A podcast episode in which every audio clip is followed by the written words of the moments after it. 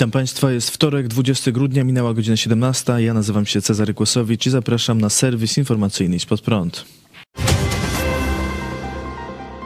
Zwycięstwo opozycji w przyszłorocznych wyborach będzie oznaczało prześladowanie chrześcijan na dużą skalę, powiedział minister edukacji Przemysław Czarnek w TVP Info. Polityk Prawa i Sprawiedliwości stwierdził, że walka z Kościołem katolickim i z chrześcijaństwem to sposób opozycji na walkę z polskością. Widać, takie sondaże im wyszły, że mogą wygrać bez programu wyborczego jakiegokolwiek, tylko w ten sposób, że mogą się jakoś odróżnić.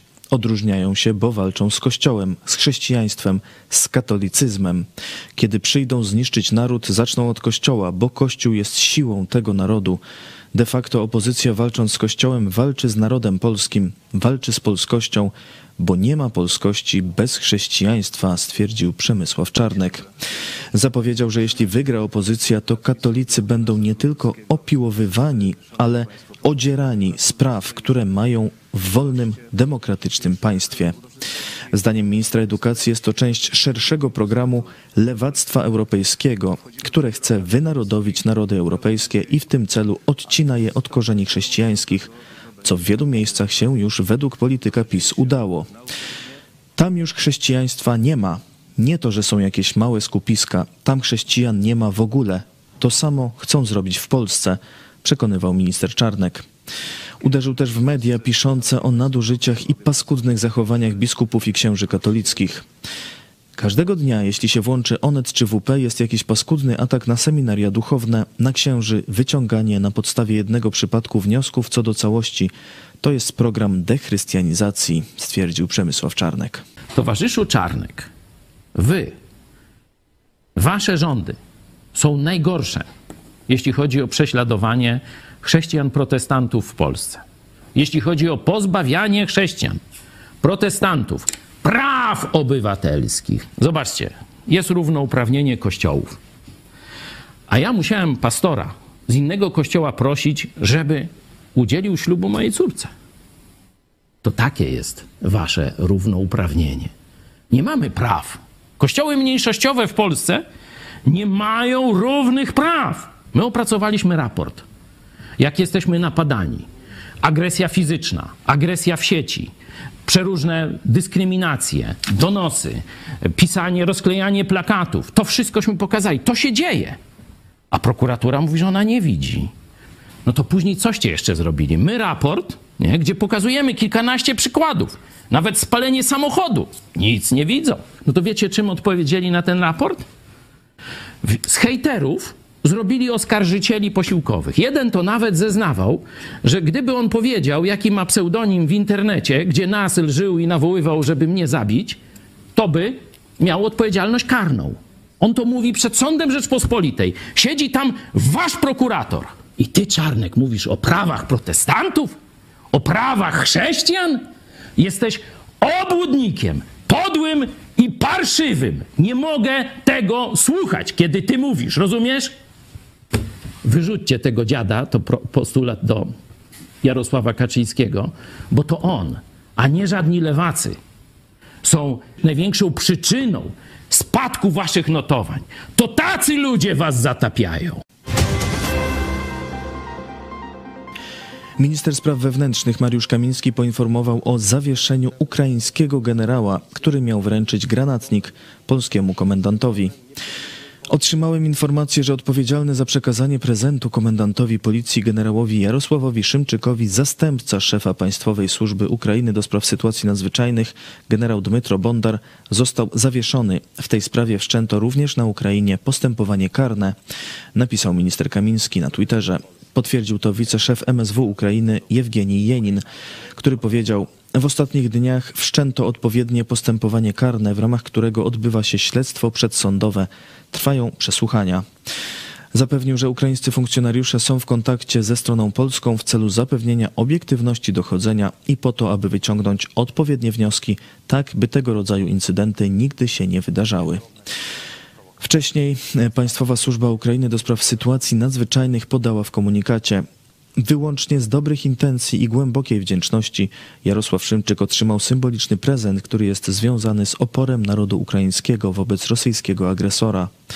Jesteśmy przekonani, że nie było i nie mogło być żadnego zamiaru skrzywdzenia komendanta głównego polskiej policji. Polski komendant, jak i minister spraw wewnętrznych twardo opierają się dymisji. Jarosław Szymczyk, który doprowadził do odpalenia granatnika w komendzie głównej, stwierdził, że nie widzi powodu do dymisji. Minister Mariusz Kamiński wykluczył dymisję komendanta głównego policji. Generał, generał Jarosław Szymczyk w TVP Info podziękował ministrowi za ogromne wsparcie.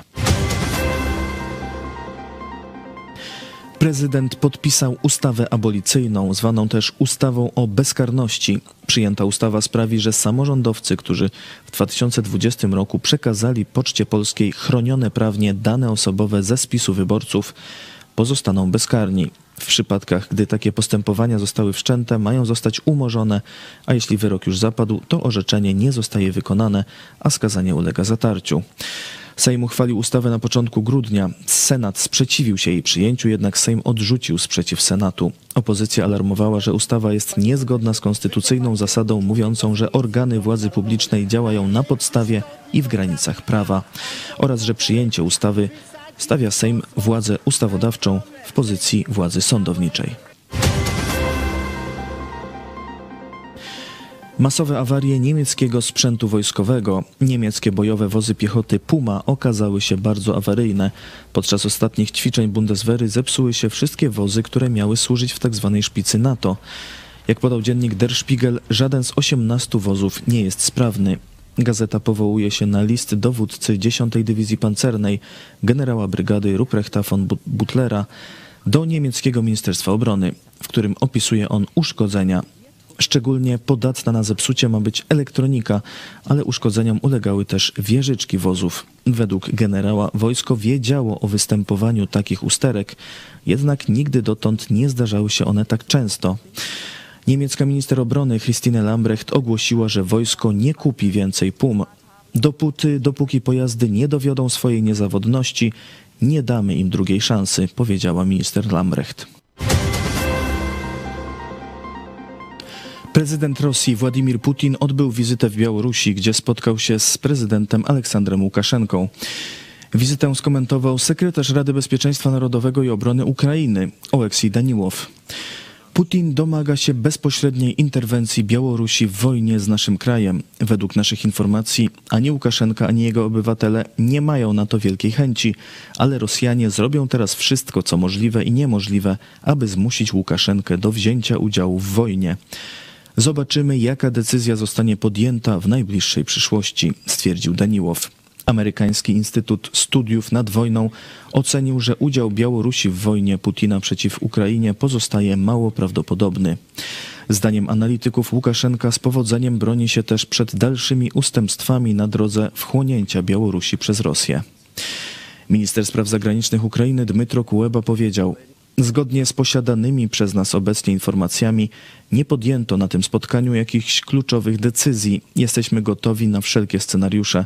Cokolwiek by między sobą nie ustalili, Ukraina jest na to przygotowana. Tymczasem obawę przed atakiem Rosji wyraża kolejny kraj. Szef służby wywiadu i bezpieczeństwa Mołdawii, Aleksandru Mustata, powiedział: Federacja Rosyjska planuje inwazję na Republikę Mołdawii na początku 2023 roku, ale realizacja tego scenariusza uzależniona jest od rozwoju konfliktu na Ukrainie. Pytanie brzmi nie, czy to nastąpi, ale kiedy do tego dojdzie. W piątek władze Mołdawii ogłosiły wycofanie koncesji na nadawanie sześciu stacjom telewizyjnym, które rozpowszechniały rosyjską propagandę. Rosyjski minister obrony udawał, że był na linii frontu. Ministerstwo Obrony Rosji przekazało, że minister Siergiej Szojgu odwiedził rejon prowadzenia specjalnej operacji wojskowej. Na opublikowanym wideo widać okopy, które minister ogląda przez okno śmigłowca. Jak się okazuje, wcale nie są to okopy na froncie. Analitycy z projektu GeoConfirmed zlokalizowali miejsce, nad którym przelatywał rosyjski minister. Są to okolice miejscowości Armiańsk na okupowanym przez Rosjan Krymie, ponad 80 kilometrów za linią frontu. Natomiast prezydent Ukrainy dzisiaj naprawdę pojawił się w pobliżu frontu. Wołodymyr Załęski odwiedził Bachmut, miejsce bardzo intensywnych walk. Załęski spotkał się z wojskowymi, porozmawiał i wręczył odznaczenia żołnierzom. W ostatnich dniach Ukraińcy przeprowadzili w rejonie Bachmutu kontrataki na pozycje Rosjan na południe od miasta, w okolicy wsi Opytne oraz we wschodniej dzielnicy Bachmutu. Rosjanie w nocy z niedzieli na poniedziałek zaatakowali ponownie Kijów dronami irańskiej produkcji, powodując zniszczenia infrastruktury energetycznej. Obrona przeciwlotnicza strąciła 30 z 35 atakujących dronów. Dostawy prądu i ciepła w mieście są niestabilne. To wszystko w tym wydaniu serwisu. Dziękuję Państwu za uwagę. Kolejny serwis jutro o 17, a jeszcze dziś o 18 w telewizji Idź Pod Prąd. Współczesny Pilecki siedzi w więzieniu. Dyskusja po filmie Hongkończyk. Zapraszam. Do zobaczenia.